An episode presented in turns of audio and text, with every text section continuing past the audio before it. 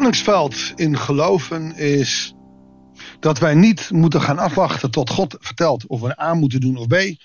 Dat God ons elke stap van ons leven uitzet. Maar dat we ook zelf moeten uitstappen. Daarentegen wil hij niet dat we het heft in eigen handen gaan nemen. In die zin dat we dingen die hij zou moeten beslissen, zelf gaan beslissen. Gek hè, die balans. Die balans is best wel spannend.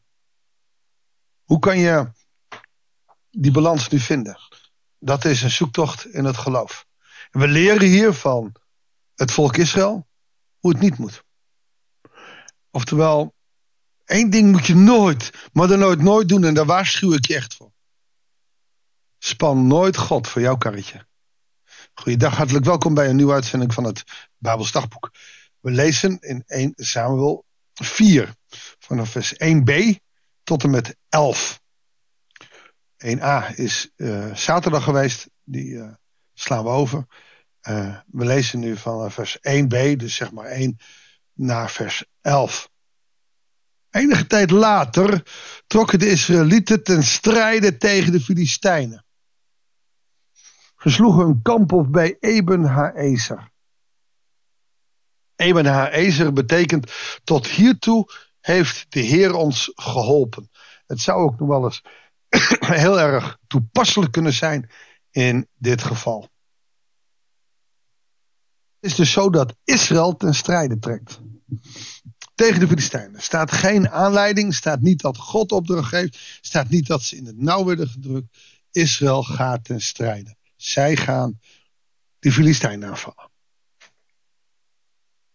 Nadat de Filistijnen zich in slagorde tegenover de Israëlieten hadden opgesteld, brandde de strijd los. Israël werd door de Filistijnen verslagen. Ongeveer 4000 man sneuvelden die dag in de slag. Dan kan je dus bedenken, ik denk niet dat God toestemming heeft gegeven om deze slag te doen. Ze gaan dus zonder God aan de gang.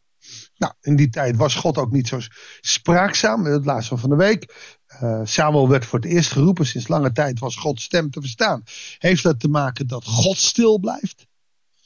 Men noemde middeleeuwen wel eens als de tijd waarin God op vakantie was. Zoveel ellende, zoveel rottigheid. Je zou ook nu kunnen bedenken. Maar het heeft niks met vakantie te maken van God zelf. Het heeft te maken met het feit dat wij niet luisteren naar zijn stem. Dat wij God geen leiding geven in ons leven.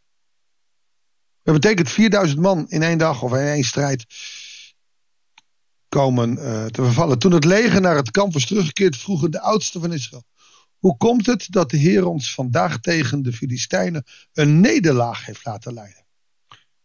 Hun eigen conclusie is niet, we hebben het de Heer niet gevraagd, we hebben het zelf gedaan. Nee, de ark van het verbond met de Heer uit, moet uit Silo hierheen worden gehaald.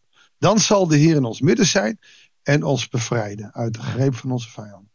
Ja, dat is een beetje mythisch denken.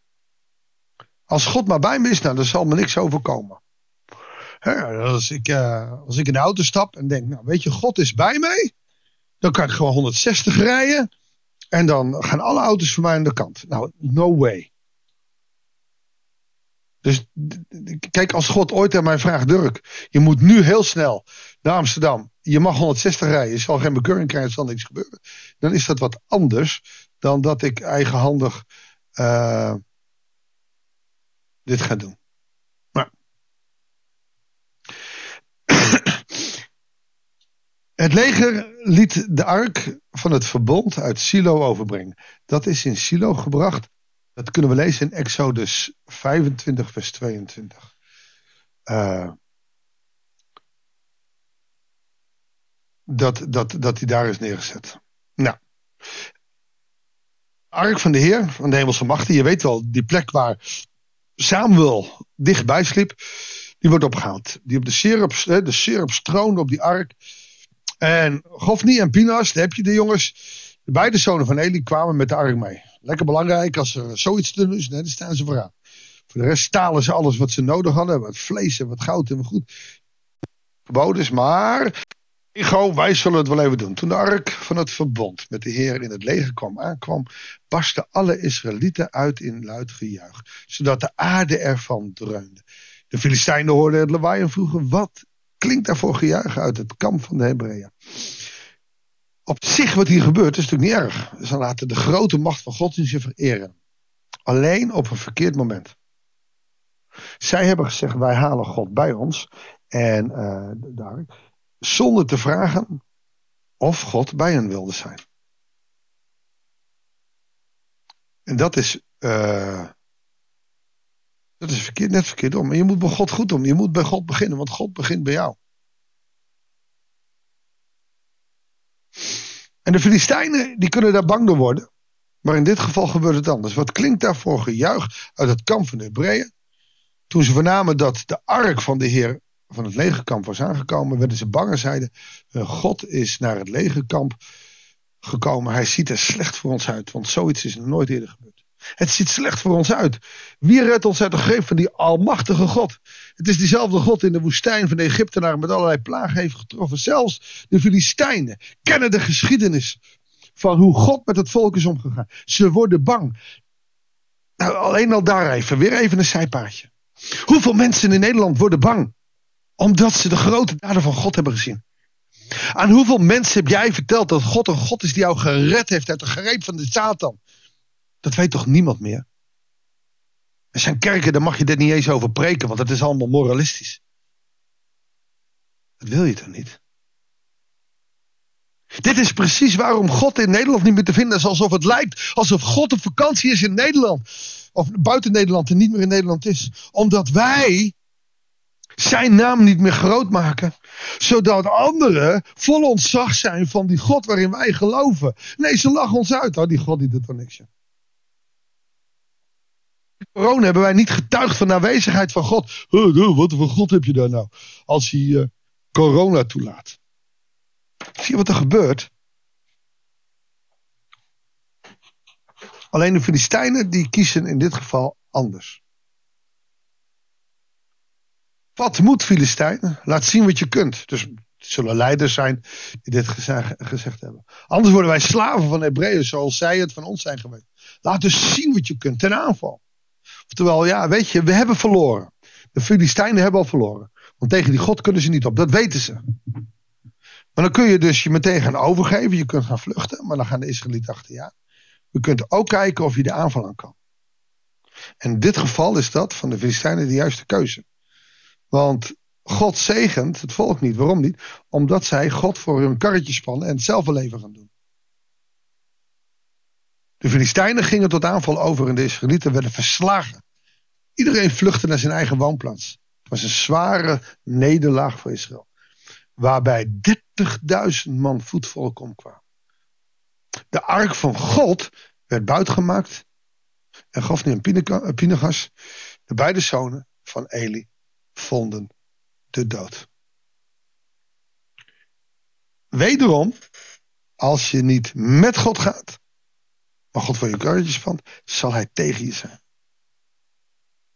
Daag hem niet uit. En nou, dat is ook wel eens in mijn dagelijkse omgang met mensen als ik bid voor genezing. Uh, je mag in Jezus naam bidden om genezing. Maar er zijn ook groeperingen die zeggen in Jezus naam genezen. Wacht even. Daar, daar gaat het bij mij mis.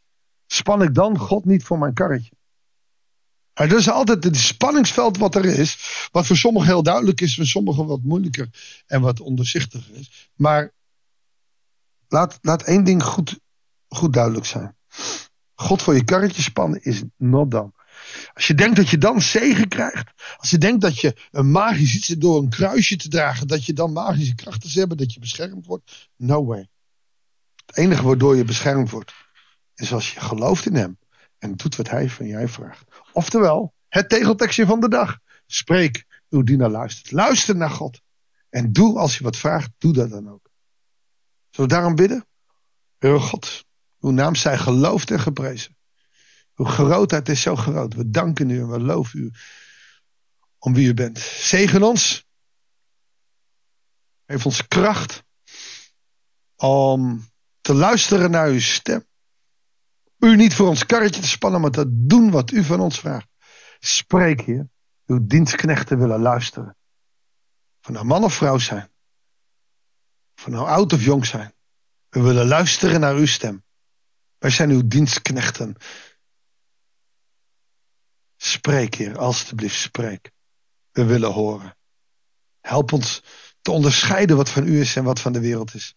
Door de kracht van uw geest. Dat bidden we u in Jezus' naam. Amen. Dankjewel voor het luisteren.